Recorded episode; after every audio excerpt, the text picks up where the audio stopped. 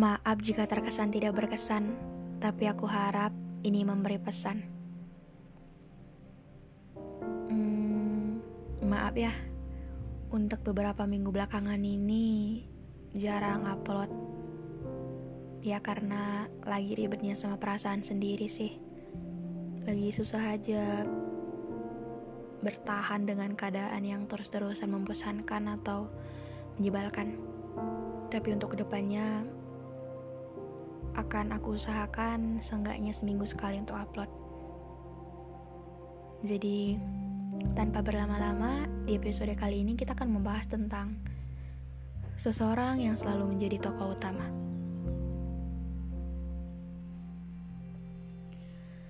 Jatuh cinta berkali-kali pada orang yang sama itu melelahkan, apalagi pada cerita yang selesai, padahal belum pernah dimulai atau pada cerita yang sudah benar-benar selesai, tapi perasaan masih sama, yaitu masih maunya dia.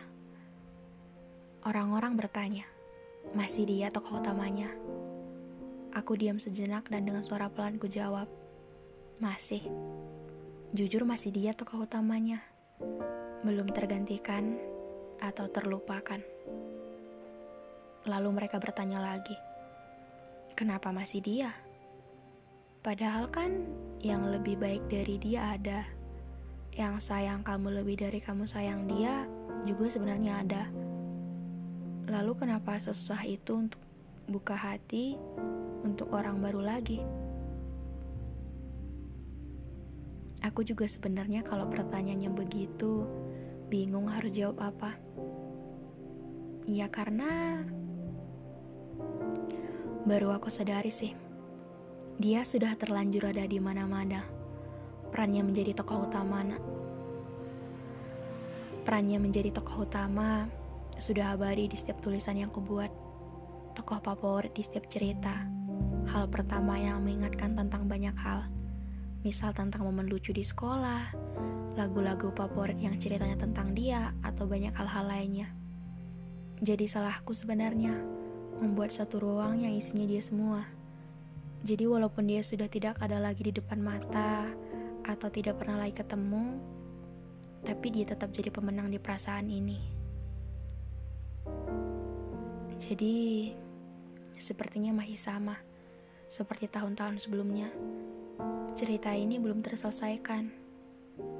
Selain tidak pernah dimulai, ternyata sesuatu itu mengakhiri perasaan sendiri karena lucu memang.